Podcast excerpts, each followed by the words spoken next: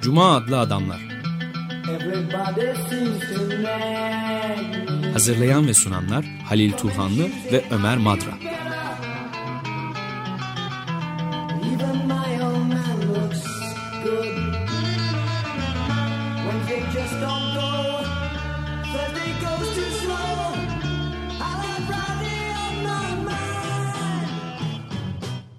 Destekleri için Açık Radyo dinleyicileri Özlem Dalkıran, Özgür Yılmaz Ekşioğlu, Superi Ekşioğlu ve Onur Ekşioğlu'na teşekkür ederiz.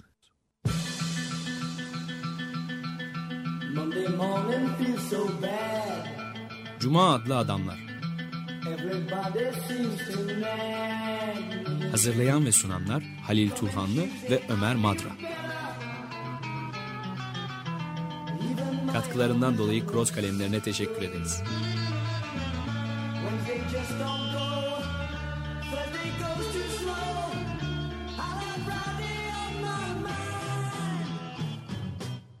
Merhaba Halil, hoş geldin. Teşekkürler. Ee, Bugünkü programda zaman zaman yaptığımız üzere e, istersen biraz edebiyattan bahsedelim. Ee, Ben edebiyatı seven birisiyim. Biraz egoist davranıyorum belki ama.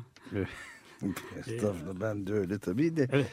Zaten edebiyat kurtarır kurtarırsa. hepimiz. Doğru. Yani, e, edebiyatçıların e, sanat daha geniş bir anlamda sanatın e, düş gücünden beslendiği için toplumsal dönüşümü gerçekleştirecek gerçekleştirmede de düş e, gücü çok önemli.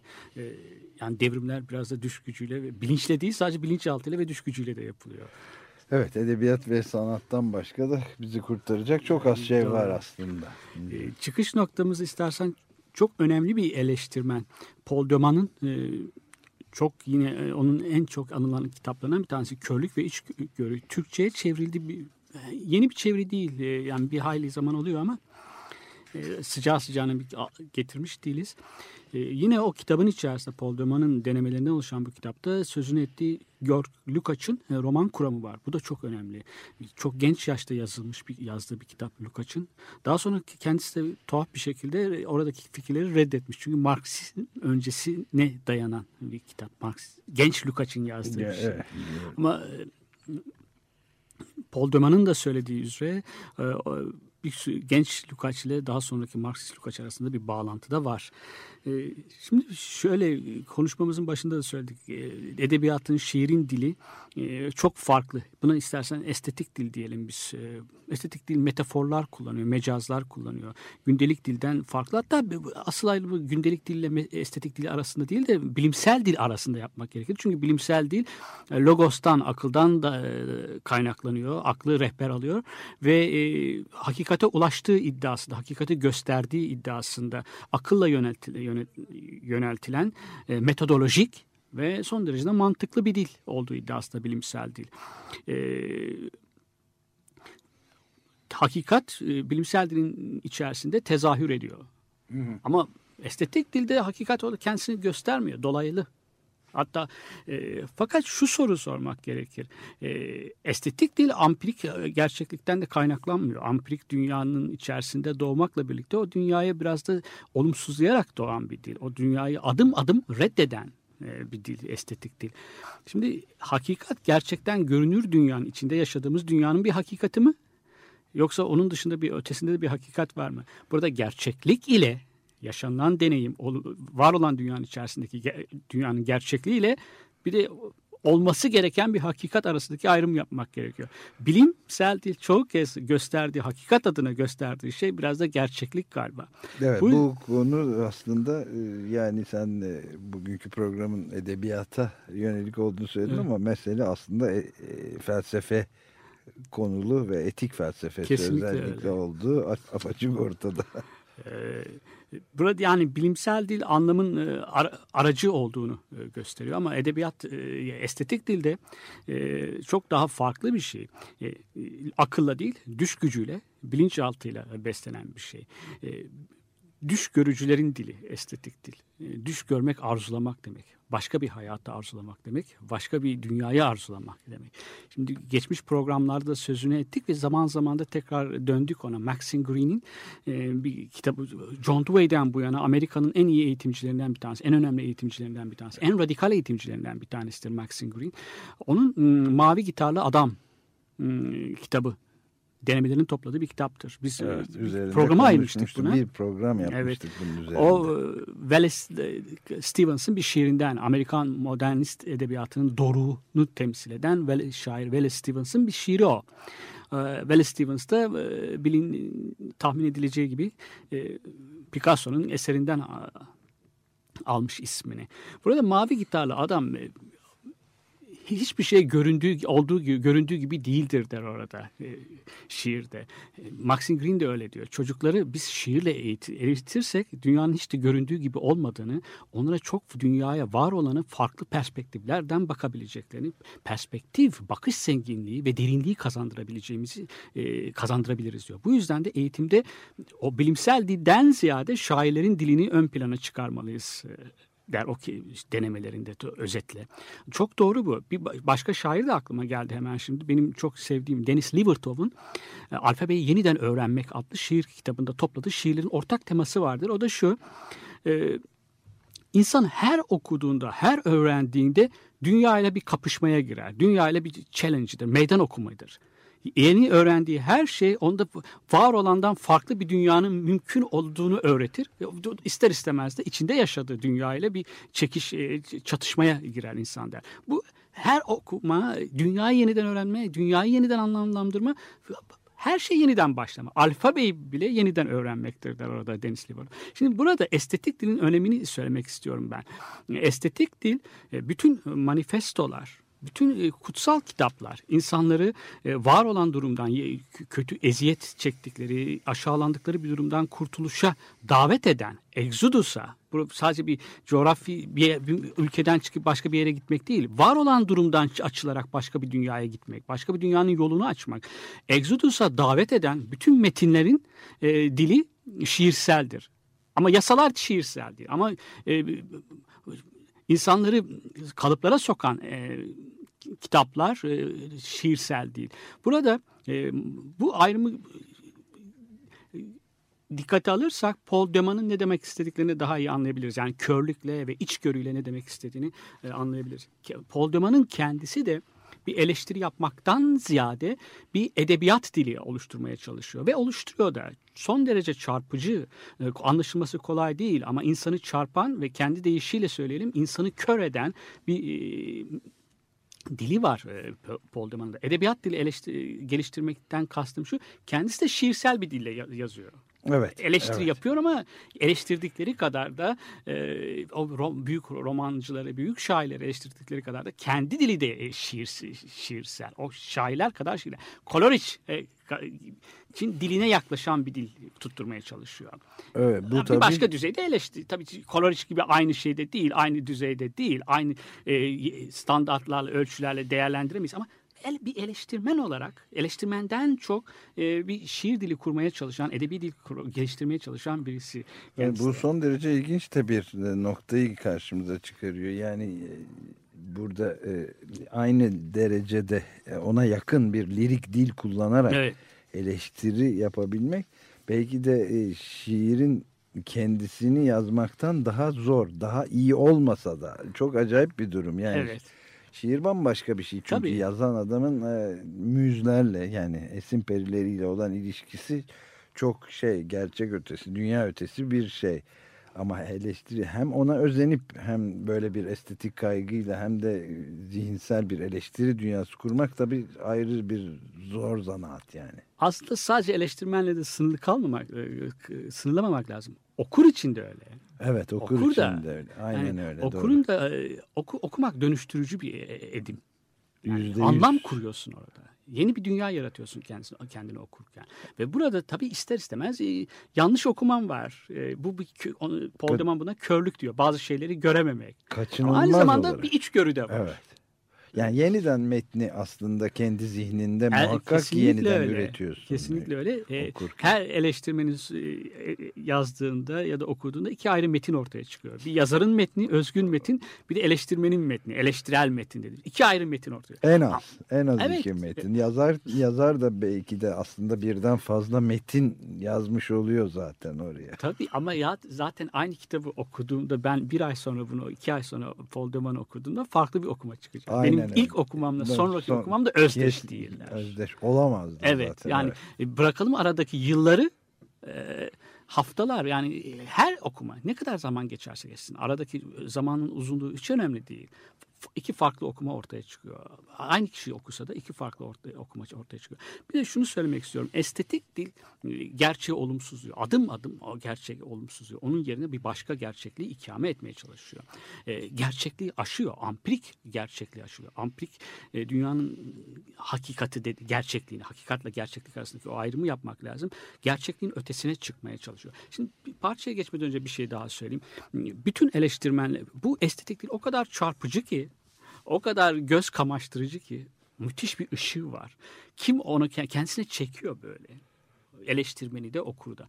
O kuvvetli ışık kör ediyor insanı. Evet, güveyi çeker gibi Evet, kelebeği yani, değil mi? evet, Kelebeği çek- kendisini çekiyor ve seni kör ediyor. Oradaki anlam ile ifade arasındaki bir farkı da görebiliyorsun ama. Anlam ne an, ifade ediyorsa sen başka bir anlam şey- onu ko- koyabiliyorsun. Ama e, kör olan insan, metnin içine girip de kör olan insan bir daha artık e, ışık onu o kadar etkilemiyor. Daha fazla ışık istiyorsun. Eleştirmen ya da okur ışık biraz daha, Daha ışık, ışık diyor ve metnin içine biraz daha fazla giriyor. Ama bu e, körle, körlerde görmeyenlerde bir içgörü vardır. Bir vizyon arayışı bu okumak aslında. Hem körleşmek hem de içgörüsü şey sezgiyle şey yapıyorsun. Kendi düş gücün, gözlerin kapanıyor ve düş gücün çalışmaya başlıyor. Evet ki e, pek çok amada körde de Evet. olduğu gibi diğer duyuları. Kahinler Evet, kördürler. Bilicilerin evet ve benim tanıdığım bütün e, körlerde de ge- geliştiği gibi işte parmak uçları, tenleri ve koku ve diğer duyuları ön sezgisel duyuları da daha gelişkin oluyor. Aynen öyle bir körleşme Evet. burada da. İşte bu e, e, yazı e, sanatsal e, estetik dil ile temas insanı aç- e, az önce özetlediğim nedenlerle, aktardığım nedenlerle bir körleştiriyor. Ama aynı zamanda da bir içgörüye yol açıyor. Evet, Ee, ve şey. aç- açıklamak istediği bu. Edebiyat, sanatsal dille temasımız bizi e, bir tür körleştirmeye yol açıyor. Evet. Hayli heyecanlı bir konuya dalmış bulunuyoruz. Şimdi ilk bir müzik çalarak bir nefeslenelim. Gene Clark, Strength of Strings adlı parçasıyla onu dinliyoruz. If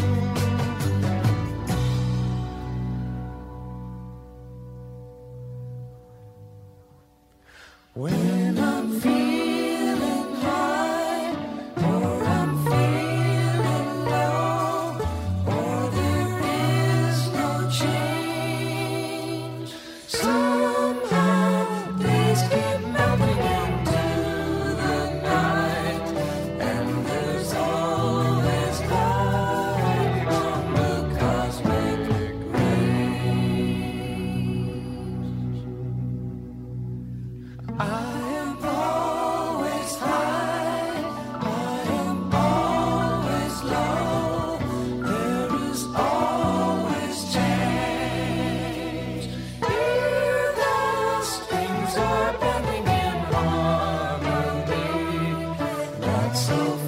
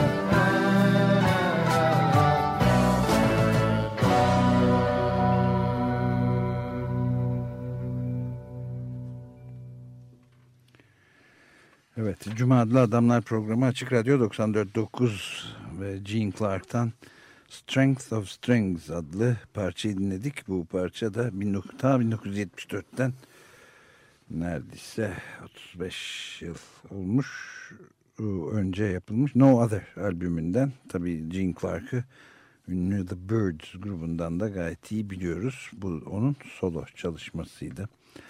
Çok önemli bir sima. Ee, evet, Cuma adamlarda Paul Döman'ın Körlük ve İçgörü adlı kitabından kalkarak bir edebiyat, estetik, etik estetik ve de genel bir felsefe tartışmalarını da kendi aramızda yapmaya çalışıyoruz. Kitabın orijinali 1971'de Blindness and Insight orijinal adıyla çıkmış Oxford Üniversitesi yayını ve Minnesota. Türkçesi Metis Eleştiri'den yayımlandı. Ferit Burak Aydar ve Cem Soydemir'in birlikte yaptıkları bir çeviriyle. Çağdaş eleştirinin retoriği üzerine denemeler başlığını taşıyor. Aslında Paul Döman'la da, da Yel e, yapı sökümcülerinden söz ettiğimiz bir program vardı. Orada da e, biraz değinmiştik. E, O okulun Amerika'da yapı sökümün e, ve Derrida'nın tanınmasında çok etkili olmuş birisi Belçika asıllı. e, da- Daha sonra Amerika'da e, yaşadı. O dediğim gibi Jeffrey Hartman ve diğer o Yel yapı sökümcüleri arasında çok etkili bir isim. E, Şimdi demin e, okumanın Paul Dömen'den kalkarak okumanın da yaratıcı bir edim olduğunu, anlam kurduğunu söylüyorduk. Her yaratıcı edim gibi okumanın kurallara bağlanamaz. Ku- Kuralları yok. Bu yüzden de e, yorum serbestisi var. Bu hem eleştirmenin hem de e, okurun bir ayrıcalığı e, bir anlamda.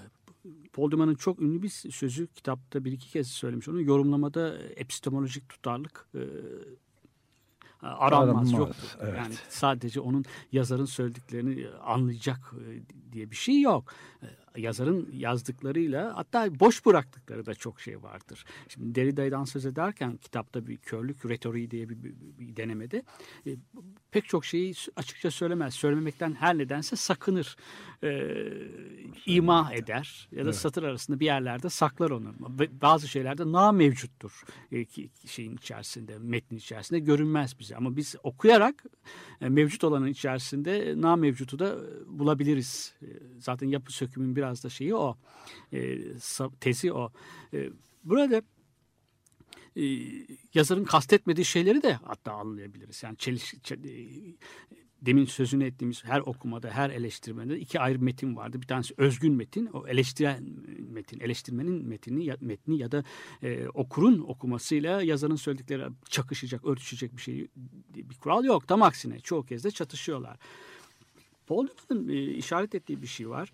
E, uzun süre edebiyat eleştirisi e, Batı üniversitelerinde, kürsü, edebiyat kürsülerinde e, felsefi bir sorun olarak görülmekten kaçındı biraz zor bir felsefi bir mesele olarak görüldüğünde de edebiyatın alanına girmesi gereken sorunlar felsefeye kürsülerine devredildi. On, bırakalım onlar uğraşsınlar. Yani edebiyat bunlarla uğraşılmaz denildi. Burada Derrida'nın bir değişiklik getirdi aslında. Kendisi bir filozof olmakla, felsefeci olmakla birlikte bir edebiyat eleştirmeni gibi davrandı. Daha doğrusu okumanın karmaşık bir felsefi bir mesele olduğunu ortaya evet, koymuştu. Ki hiç Derrida. E, yabana atılır bir evet. görüş değil tabii. Okuma üzerine ne kadar kafa patlatılsa yeridir evet. diye düşünüyor evet. insan yani. Eleştirilecek pek çok şey yerleri de olmakla o, birlikte. Evet. Sorun okumak, bir anlam kurmak e, dilin doğası hakkında konu düşünmek aslında. Okuma başlı başına bir tefekkür sorunu. Derin bir düşünceye dalmak sorunu. E, hem de bunun dediğim gibi bir eleştir, edebiyat edebiyat eleştirmeni olmayan bir felsefeci o zamana değin edebiyat eleştirmenlerinin felsefi sorunlardan kaçtıkları bir dönemde bir felsefeci oradan gelip tam tersine trafiği işleterek e, edebiyatı bir felsefi mesele haline getirmiş bulunuyor. E, şimdi onun özellikle demin andığım bölümde, denemede, e, körlük retoriğinde e, Rousseau, e, Jean-Jacques Rousseau'nun pek çok şeyini, insanlar arasındaki eşitsizliğin kaynağı, emil, e, pek itirafları, bütün o dilin doğası üzerine e, yazdıklarını oku, farklı bir şekilde okuyor. E, Jacques Derrida. Ama bunu Rousseau çok yan, e, kendisine yaklaştıranı körleştirecek bir yazar aslında. Edebi dili e, Derrida'nın parmak bastığı gibi altın çizdiği gibi edebi dili kötülemiş ama edebi dilden de kopmamış bir yazar. E, yazar. Çok iyi bir yazar. Yani böyle yazarlar iyidir. Felsefede yaptıklarında şiirsel olabilen, demin estetik bir e, dille yazabilen yazarlar. Ama aynı zamanda da dediğim gibi körleştirilirler ve yanlış anlaşılırlar. Yanlış okumalar. Ama buradaki yanlış Ama bu he, hem körleşmenin hem de yanlış okumanın evet. da aslında başka açılımları olan doğru şeylerle de açıldığını da söylememiz evet. lazım tabii pek çok eleştirmen e, Derrida'dan önce e, ona yakın şeyler söylüyorlar. Hatta e, yani Russo bazı şeyleri söyleyemedi, sakındı, işte dile getiremedi. Ona yardım edelim. Ağzında kalmış olan son sözcükleri de biz açığa vuralım e, tavrıyla. Biraz da eleştirmen çok fazla kibirli bir eleştirmen tavrı bu. Evet. E, şeyin e, Derrida'nın söylediği burada psikolojik bir sorun yok. Yani insan bir şey söylemek isteyip de söyleyemiyorsa bir sorunu vardır. Freudyen bir yaklaşımda bazı şeyleri şakalarda gördüğümüz gibi. Eğretileme kullanma evet, zorunluluğu da buradan geliyor evet. tabii aslında. Rousseau'nun e, sorunu Batı metafiziğindeki bir geleneğe fazla bağlanması, e, geleneksel e, bir gelenekten e, kaynaklanıyor aslında. O da e, bir şey mevcutsa hakikat olarak kabul edilmek, ontolojik bir varsayımdan kaynaklanıyor Batı metafiziğinde. Varsa gerçektir, hakikattir. Na mevcudiyeti, na mevcut olanı e, hakikat olarak kabul etmemek. Batı metafiziğinin içerisinde Rousseau'nun bu dil tutukluğu ya da söylemek istediğini tam olarak söyleyememesi psikolojik bir tuhaflıktan, psikolojik bir sorundan ziyade Batı metafiziğinin tipik bir örneği olarak e, görüyor. Ama bunu söylerken de Derrida son derece ciddiye alıyor Russo'yu. Ve tabii ki Russo ciddiye alınmayı hak eden bir Evet, çok önemli Her- bir düşünce. Her ifadesinin üzerinde duruyor. Ama Derrida'nın şeyi öyle. insanı bazen sıkıntıya e, boğabilir. Sıkıntıya e, e, sıkabilir. Fazla didikliyor Evet, değil dili mi? çok fazla didiklediği için dediğin gibi dili çok fazla bakış açısı böyle perspektifleri kayıyor. Şunu da söylemiş olabilir, şöyle Evet. olabilir ama şunu da söylememiş olabilir. Tam bir şeye ikna edildiği anda bakıyorsun deri de vazgeçiyor söylediğinden. Evet, didik didik ediyor. Aa, beni de ikna etmiştin. Ni- Niye oradan oraya kaydın, perspektifini değiştirdin dedirtiyor okuruna. Ama e, okuduğu metni çok ciddi alan ve kılı kırk yaran her ifadesinin üzerinde duran ve bu anlamda da geleneksel bütün yorumlardan e, ayrılan bir e, okuması var. Yazı e, ilişki yazı ile ilişkisini yönlendiren dediğim gibi e, aktarmaya çalıştığım gibi Batı düşüncesindeki bir o gelenek bir varsayım. Russo'da bütün her, Batı düşüncesindeki yazarlar gibi, o geleneğe bağlı olanlar gibi sö- sözlü olanı, sesli olanı e, yazılı dile tercih ediyordu diyor e, Jacques Derrida. E, sö- ne, sö- söylenen ancak hakikattir orada vardır. Fakat Paul Deman'ın son olarak e, sözünü ettiğim körlük retoriği başlıklı denemesinde e, Derrida hakkında bu kadar güzel sözler söyledikten sonra bir şey bir eleştirisini de ekliyor.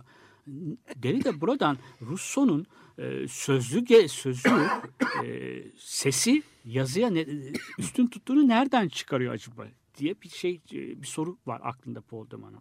Yani ama Derrida da kör sonuçta. Derrida da bir eleştirme ele, okuyor ve Evet, eleştiriyor. körleşmeden o evet, da- çok önemli bir filozof da olabilir. E, o da de- Rousseau'nun yazdıkları karşısında o göz kamaştırıcı e, estetik dili karşısında bir de körlüğe şey yap, e, körlüğe kapılabiliyor.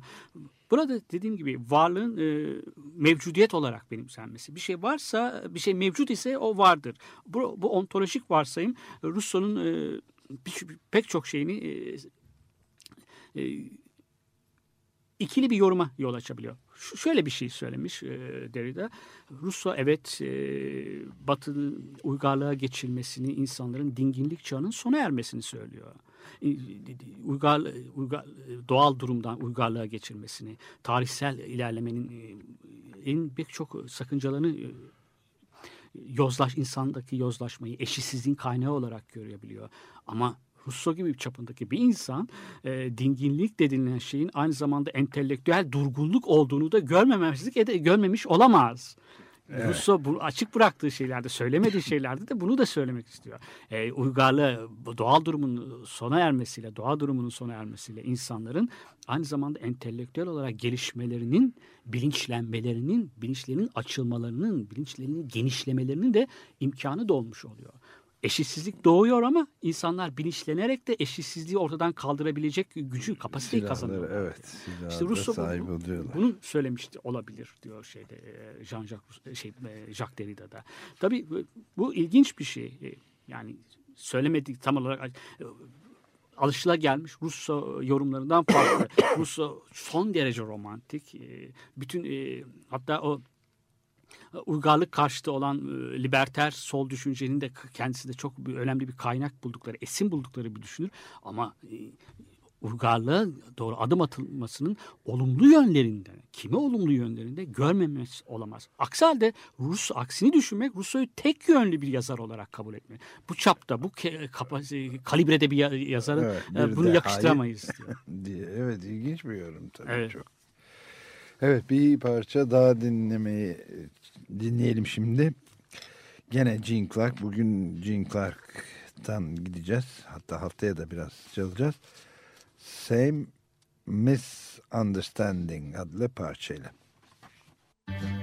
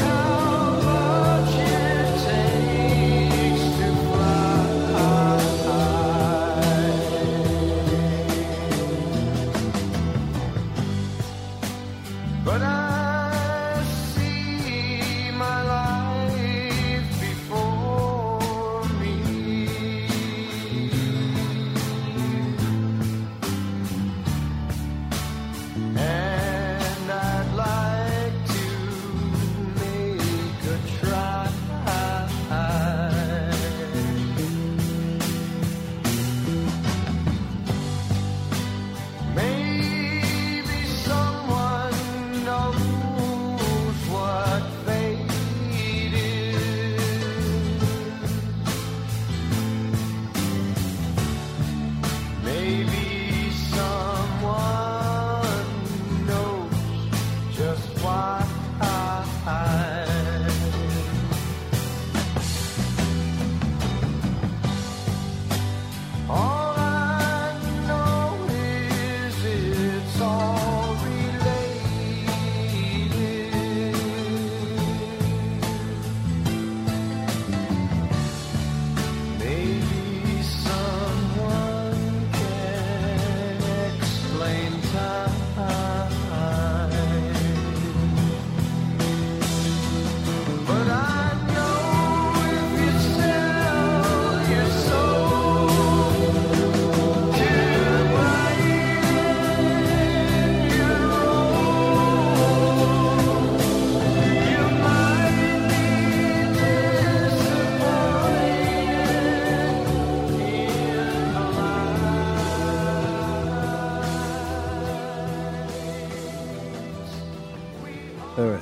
68 günlerini adeta geri getiren çok tanıdık, aşina bir ses Gene Clark.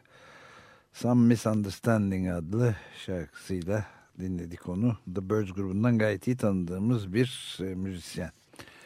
Evet yine Cumalı Adamlar programında olduğunuzu hatırlatalım. Açık Radyo 94.9'da ve Paul Deman'ın Körlük ve İçgörü adlı alt başlığı da çağdaş eleştirinin retoriği üzerine denemeler olan Metis eleştiriden de yayınlanmış olan Fethi, Ferit Burak Aydar ve Cem Soydemir'in çevirisiyle bir kitabını esas alıyoruz.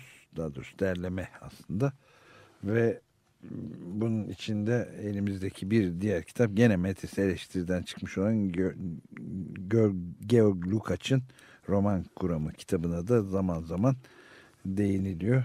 Edebiyat ve iç okumalar, körlük ve içgörü üzerine konuşuyoruz. E, Gene Clark de- demin çok güzel söyledin. Paul Deman'a dönmeden önce bir şey anekdot. E, 60 tam 68'in seslerine benziyor hakikaten. 91 yılında aramızdan ayrıldı e, Gene Clark. E, O yıl e, yaz aylarında Cambridge'de Folk Festivali vardı. Şimdi artık o festival kaldırıldı galiba. Yani çok e, Cambridge Folk Festivali'nde Gene Clark sahneye çıkacaktı. Ben de o e, ilanları e, aylar öncesinden Melody Maker dergisinde duyurulmuştu. Sadece Gene Clark'ı görmek için e, şeye gitmeye hazırlanıyordum. E, Cambridge'e, Londra'dan Cambridge'e gideyim de şunu ön sıralardan e, bir yerde göreyim diyordum e, dünya gözüyle. Fakat o arada ölüm haberi geldi bahar aylarında. Yetişemedi yani, Evet, evet. ben de göremedim. Yani o şey, ilan edilmişti sahneye çıkacaktı Cambridge Folk Festivali'nde ama olmadı. Börs toplumun bütün hemen hemen yani or- orijinal kadrosundan Gene Clark bir ikisi öldü oradan. E, yani sanıyorum başkaları da bir işte Roger McQueen o Roger safa McQueen. sağlam devam ediyor yola. Bir de gene orijinal kadrodandır aslında. David Crosby. Evet, Onu da- o da şeye böyle, e, zorlu hayata karşı iç böyle içkiye e, çok fazla e, ama yoluna devam ediyor David Crosby'de. Az sayıdaki Börslerden bir tanesi. Orijinal Börslerden Evet. bir tanesi. E, demin e, Lukács'ın da kitabından e, kitabının kimya, e, künyesini verdi. Nedeni şu. Paul Deman'ın denemelerinin içerisinde Lukács'a ayırdığı bir bölüm var aslında. Denemelerinden bir tanesi. Bu çok önemli bir kitap. ki- ki Lukács'ın ki genç yaşta yazılmış ve o yaşta birinden e, beklenmeyecek kadar anlaşılması da zor, karmaşık bir kitap. Çok de iyi ifade etmiş anlamı. an- Yer, yer orijinal değil, özgün değil ama meramını çok iyi anlatmış. Estetik bir dil. Estetik konusunda konuşurken, roman konusunda, konuşurken estetik bir dil kurmuş e, Lukács. E, Lukács'ı e, birkaç yıl önce hatırlıyorum ben çok küçük görmüşlerdi birisi bazıları e, işte Macar köylüyü falan hiç alakası olmayan bir şey. O he- büyük bir ihtimal okumadı yani Lukács'ı. E, Lukács yer yer e, sığlığa saplandığı yerler var gerçeklikle ilgili. Modernist edebiyatta e, Thomas Mann'ın dışındaki hepsini reddettiği bir yönü var. Ama bu asla e, Lukács'ın e, e, şeyini- Önemini gölgelemez, Evet, evet. Lukács bütün olarak bir bütünlük içerisinde ele alınmayı hak eden bir yazar. Bu gençlik kitabında, gençlik döneminde yazdığı, Marksizm öncesinde yazdığında Hegel'i ne kadar iyi bildiğini gösteriyor. Hegel, Tin'in fenomenolojisini ne kadar iyi bildiğini gösteriyor. Genç. E, roman kendi kendisini anlatıyor. Tıpkı Hegel'in diğerde Tin'in kendi tarihsel gelişimini Evet, anlatması gibi. Anlatması gibi evet. Ee, ve dediğim gibi kendisi reddetmiş aslında. Yani o biraz benim işte sağcı bir dönemime e, ait Denk bir geldi. eserdir gibisinden bir şeyler söylemiş. Ama e, dili, e, söylemek istedikleri tez, içerdiği tezler müthiş.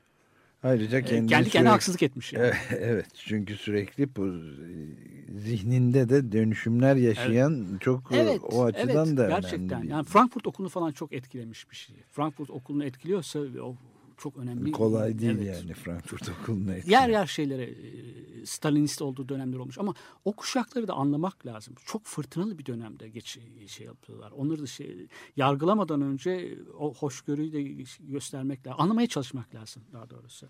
Ama e, bazı yerlerde dediğim gibi yani mesela Edward Said'in bir eleştirisi vardır. Lukács e, edebiyat Hegel'in etkisi Hegel'in Orhan Koçak da çok güzel ifade etmiş yazdı bu kitabı ön sözde. Hegel'in tarih, dünya tarihi neyse dünya tarihi dedi aslında Avrupa tarihi. Dünya edebiyatı dediğinde Avrupa edebiyatı. 19. ve 18. yüzyıl sonu büyük Avrupa edebiyatını anlıyor Lukács. Ama modern edebiyatta da Thomas Mann'ı Kafka'yı ne kadar kötülüyor biliyorsun. Minor edebiyat dediğimiz o edebiyat anlamıyor. Edward Said büyük yazarları, büyük yasalara bağlı olan yazarları, o kanonik yazarları anlıyor. Antonin Arto yok. Shakespeare var, Tolstoy var. Bütün onlar hakkında yazmış. Ama Antonin Arto gibi çok ikon kırıcı bir edebiyat. Yasalara sığmayan bir yazar sanki hiç yaşamamış gibi Lukács açısından. O, o, o ikon kırıcıları, çok aykırı yazarları şey yapmamış, atmış onu. E, ufkunun Gö- dışında Evet. bırakmış. Yani Gottfried Ben gibi bir şaire yaptı mesela haksızlıktır. E, faşizme e, e, ilgi duyduğu bir dönem olabilir. Bir fütüristlerle ola- diğer e, dışa bazı dışa vurumcularda da öyle bir eğilimler olabilir. Ama Gottfried Ben öyle çok şey yapılacak bir yazar. Yabana atılacak Yak bir şair yazar. değil değil mi? E, Gottfried? burada e, e, şeyi ama sonuç olarak söylediği doğru. Paul Deman'ın e, bir bütün olarak ele alınmayı hak eden bir yazar e, George Lukács. Söylediği şu. E, bu açıklamalardan sonra gelelim ne demek istediği özetleyelim. E, roman insanların belirli bir bilinç zihin değişikliğinin de doğmuş. Batı edebiyatının en önemli türü olan modern edebiyatın en önemli türü olan roman insan bilincindeki bir değişimin zorundadır. İnsan bir aşamaya gelmiş kendisini artık farklı bir şekilde anlatmak istediği için diğer bütün edebi türlerden kopmuştur. Burada kıyasladığı edebi türde aslında epik. Epik bütünlüğü olan bir dünyanın e, türüydü, formuydu. Roman bütünlüğün koptuğu, dünyanın fragmanlara ayrıldığı, deneyim ile iç yaşantı arasındaki bir çelişkinin doğduğu, daha doğrusu adını koyalım yabancılaşmanın doğduğu bir dönemin şeyidir. İçsel bir yaşantısı doğmuştur. İnsan e, yaşında yaşadığı o dünyayla çeliştiğinde biraz içine kapanmıştır. Ama aynı zamanda da e, bu amprik olanı olumsuzlar ampirik olanın ötesine geçmeye çalışır.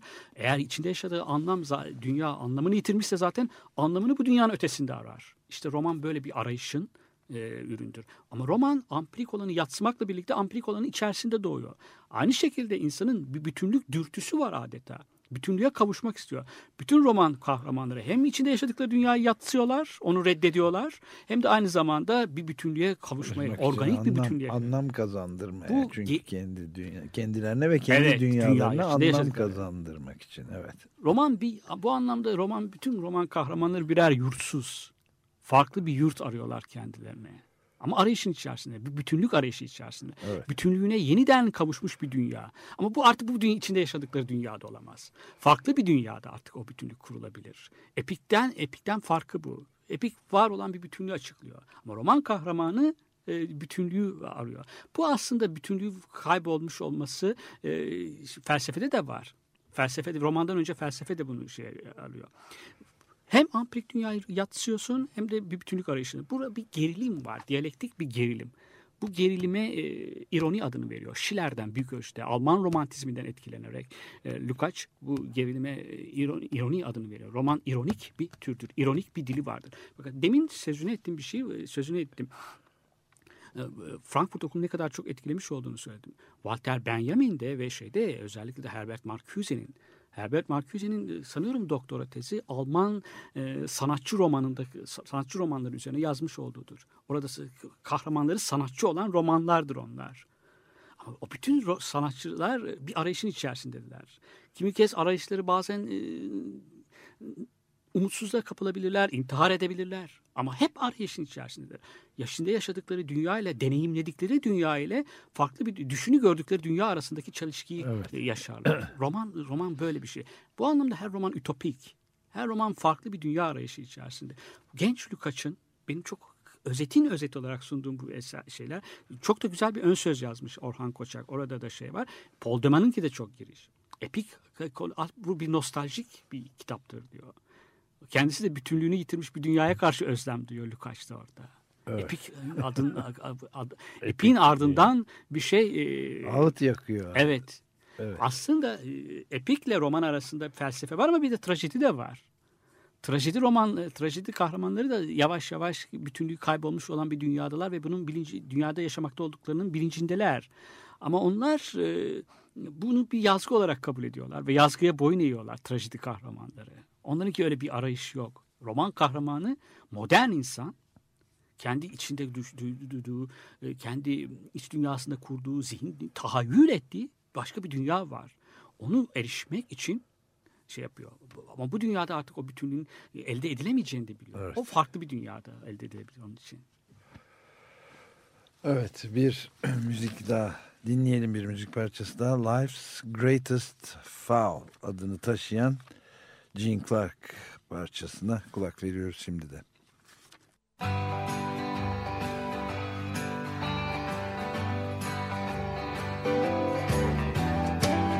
Some walk out winners of those who've lost. Can it be said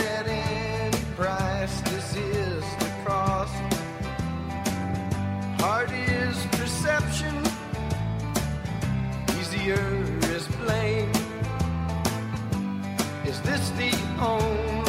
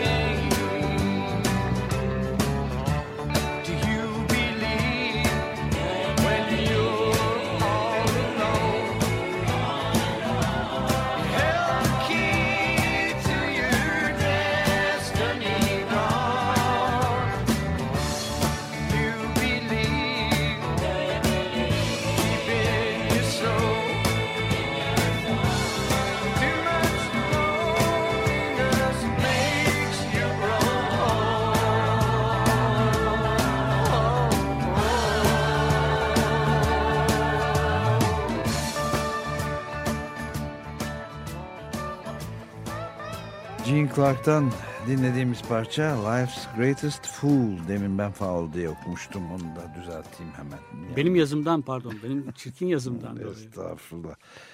Eh, dünyanın hayatın en büyük aptalı. İlginç bir adı da var şarkının. Evet. Cuma'da Adamlar programında sonlara doğru da geliyoruz. Son çeyreğe girdik. Evet, e, Lukács'tan e, bir şey söylemiştik. ki, Batı edebiyatına fazla bağlı olduğunu, 19. yüzyıl edebiyatıyla sınırlı olduğunu, Batı'nın büyük yazarlarını, yerleşik yüksek kültürün temsilcileri olan yazarlar, Shakespeare, Goethe, Balzac ve Tolstoy hakkında muazzam bir bilgisi var. E, Öbürkülerini bilmediği anlamına gelmiyor ama öbürkülerini gözlerini kapamış. E, mesela Edward Said'in edebi değerleri parçalayan yazarlar dedi yazarlardan. Arasında Russo'yu da koymuş. Gerçekten öyle. Ruslu çok önemli bir şey. Yani son e, 20 yıl içerisinde özellikle çevre e, ekolo, eko e, sosyalistlerin de Evet. e, ke- yeniden okudukları, yeniden keşfettikleri, Müthiş bir keşfetmede çevre- geç kaldıkları bir yazar. E, ve e, dedi programın başından beri Paul Deman'a dayanarak da söylediğimiz gibi dili de çok sanatsal, e, estetik bir dili var. Ama dünyayı değiştirmek isteyen bütün düşünürlerin e, dili e, şöyle ya da böyle, şu ya da bu ölçüde biraz estetik bir dildir. Evet, Rousseau'nun da bu arada e, bütün eserleri e, ard arda yayınlanmaya başlıyor. Onlar üzerine de bir program yapacağız Evet. biz de. e, Açık Radyo'da daha sonra say yayınlarından Ha, bir bir çok iyi, ardında çok çok çıkıyor. iyi. Çok iyi bir Çok şey yani. İyi bir haber. Evet, ben birkaç şey daha söyleyeceğim. Hemen bir haber, sen bir haber ileteceksin. Dünya, roman bütünlüğü bozulmuş bir dünyanın da insanın kendisini ifade etme biçimi olduğunu söylemiştik. Yani e, gerçeklikle yaşadığı dünya arasındaki e, çelişkiden, çatışmadan doğan bir tür ama bu çelişkiyi aşmaya çalışan e, aşmaya çalışır roman kahramanları. Bu yüzden de romanın yutsuzluğun e, ifadesi olduğunu söylemiştik. Epik çağında da aslında epik dışı anlatılar var. Bunlardan bir tanesi trajedi. Trajedi ama insanın evrensel e, yazgısı olarak kabul eder e, trajedi kahramanın yazgısını. Gerçek, hakikati çok peşinde değildir. İdeal Evet. bir dünya kurmaya çalışmaz trajedi kahramanı. Yazgısını karşı boyun eğmez, savaşır. Hatta hakikati görebilir ama son anda. Ölüm anında. Evet. Bir an için yakalar. Ondan sonra Ondan hayata da gözlerini kapar. boyu Ee, kaybeder, evet. Bize de bir peşinde koşacağımız, e, koşabileceğimiz bir miras olarak bir ideal e, bırakmaz. Benim aşağı yukarı söyleyeceklerim bundan ibaret.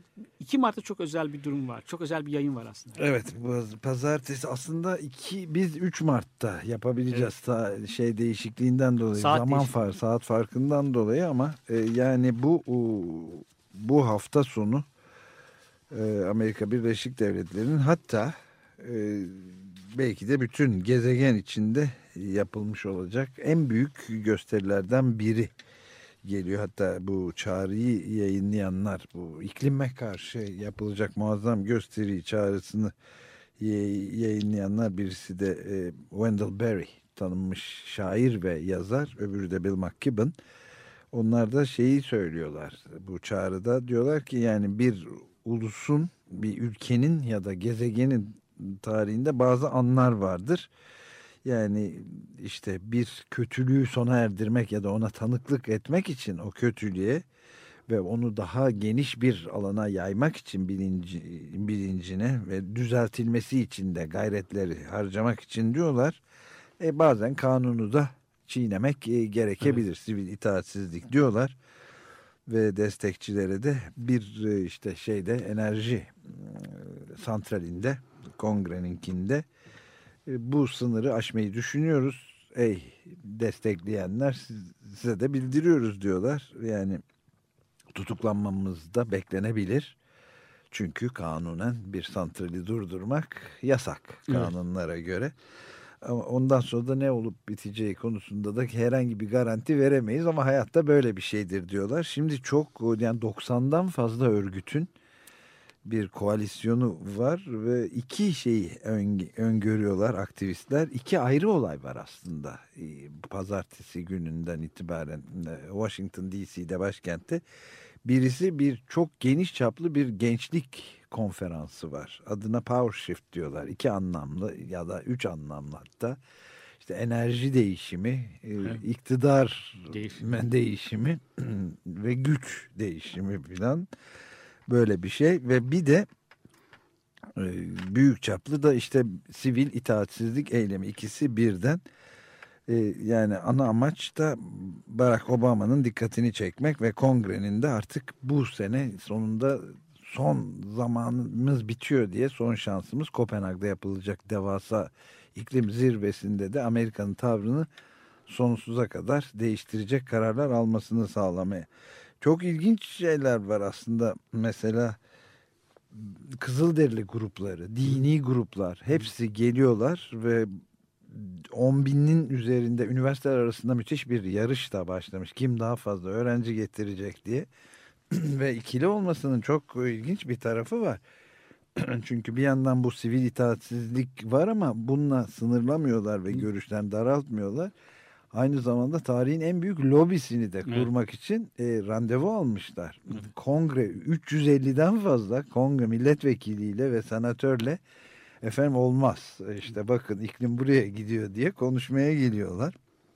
Ve mesela bir Marisol Bakera diye bir e, aktivistten bahsediyor. Tecrübeli bir aktivist. Daha şeyden geliyormuş Chicago'dan Washington'a. Power Shift'e katılacak konferansa ve protestoya da katılacak. E, eski bir enerji aktivisti 19 yaşında 5 yıldan 14 yaşında başlamış. Bir kömür santralinin yanında oturduğunu fark 19 edip yaşında veteran. veteran olmuş artık. Evet böyle şeyler var ve bizim yıllardır üzerinde e, zaman zaman konuştuğumuz bir başkası var. Asıl Energy Action diye bir büyük grubun başında olan bir hanım var Jessie Tolkien diye. O da 10 senedir bu işin içinde ve 28 yaşında. Yani Irak Savaşı'yla da başlayıp internet o da veteran olmuş ve şehir meclisinde kendi bulunduğu yerde de Wisconsin'da şehir meclisine 19 yaşında seçtirmiş kendini yani propaganda. Müthiş ilginç şeyler var ve babası da General Motors'da çalışıyormuş araba satıcısı. Şimdi durumu zor. Babam bana çok kızıyordu, bağırıp çağırdı. Bunlarla uğraşmam, bizi, bizi de mahvedin. Baba senin için yapıyorum dedim diyor. Ve ilginç bir şey var. Ta Alaska'dan e, filan gelen gruplar olduğu gibi Kaliforniya'dan da epey sayıda bir grup trenle geliyorlar. Su- Uçakla şey yapmamak için. Yani son derece ilginç bir e, toplulukla karşı karşıyayız ve bunun e, bazı tesadüfler ve de, şeylerin de yardımıyla bizim de kendi payımızı da hiçe saymayalım. e, e, bazı programcı arkadaşlarımız da oradan izlemek üzere. Mesela Ali Bilge orada. Başka bir iş için orada ama bizim e, Ama tarihsel bir ana tanıklık edecek. Evet ve bunun da bilincine vardı. Çok heyecanlandı. Daha önce Porto Alegre'de bizim için e, şey yapmıştı. Dünya Sosyal Forumu için Ali Bilge. E, genç siyaset bilimi okuyan genç arkadaşlarımızla da temas kurduk. E, İnşallah onların da yaptıkları röportajları, mülakatleri filan da yansıtma. Yani pazar, önümüzdeki hafta bu tarihin en büyük o, olaylarından bir kısmıyla uğraşmaya başlayacağız. Yani Onur Sazak da şimdiden bir mülakat yaptı bu iklim değişikliğiyle ıı, güvenlik arasındaki büyük sorun Amerika'da bir de güvenlik sorunu da yaratıyor artık. Bu tabi o konuda bir uzmanla da yaptığı bir görüşmeyi yansıtacak. Bakalım belki işte büyük babalarla da görüşme fırsatı olursa Naomi Klein ya da Noam Chomsky ya da James Hansen gibi bakalım. Onları da takip etmeye çalışıyoruz. Böyle bir şey 2 Mart'ta bu önümüzdeki hafta bunu kapsamaya da çalışacağız işte. Demin bir şey söyledim. Bir eklemek istiyorum. Yasalarla çatışılır. Niye çatışılmasın? Yasalar hakikati yansıtmıyorlar. Hakikati temsil etmiyorlar çok kez. E, to- e, Bob Dylan'ın bir sözü vardı. Şarkısındaki bir dize e, işten olmak istiyorsan, sahici olmak istiyorsan yasaların dışında yaşamalısın diye öyle bir şeyini hatırlıyorum. ben. Evet biraz da öyle bir durumu da var. Çok e, büyük bir e, yani bir tek eksiklik var. Kimsenin günahını yemeyeyim ama Al Gore'un adına hiç Evet. rastlayamadım. Bu kadar büyük bir mücadele ve Nobel Barış Ödülünü de aldı. O gen- hatta gençler niye direnmiyorlar Evet. diye de merak ediyorum Evet. demişti. E, ama kendi adını görmedim. İnşallah ben atlamışımdır Evet. çünkü Belki de yasa çiğnemek istemiyordu. Ama çiğnemenin de zamanı geldi diyorlar işte. Evet. Evet bu şekilde sonlandırıyoruz programımızı da. Günaydın. Destekleri için Açık Radyo dinleyicileri Özlem Dalkıran, Özgür Yılmaz Ekşioğlu, Superi Ekşioğlu ve Onur Ekşioğlu'na teşekkür ederiz. Monday morning feels so bad. Cuma adlı adamlar. Hazırlayan ve sunanlar Halil Turhanlı ve Ömer Madra.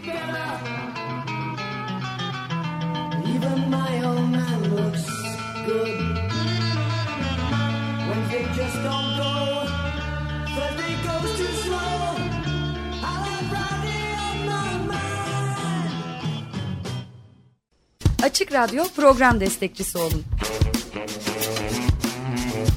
Bir veya daha fazla programa destek olmak için 212 alan koduyla 343 41 41.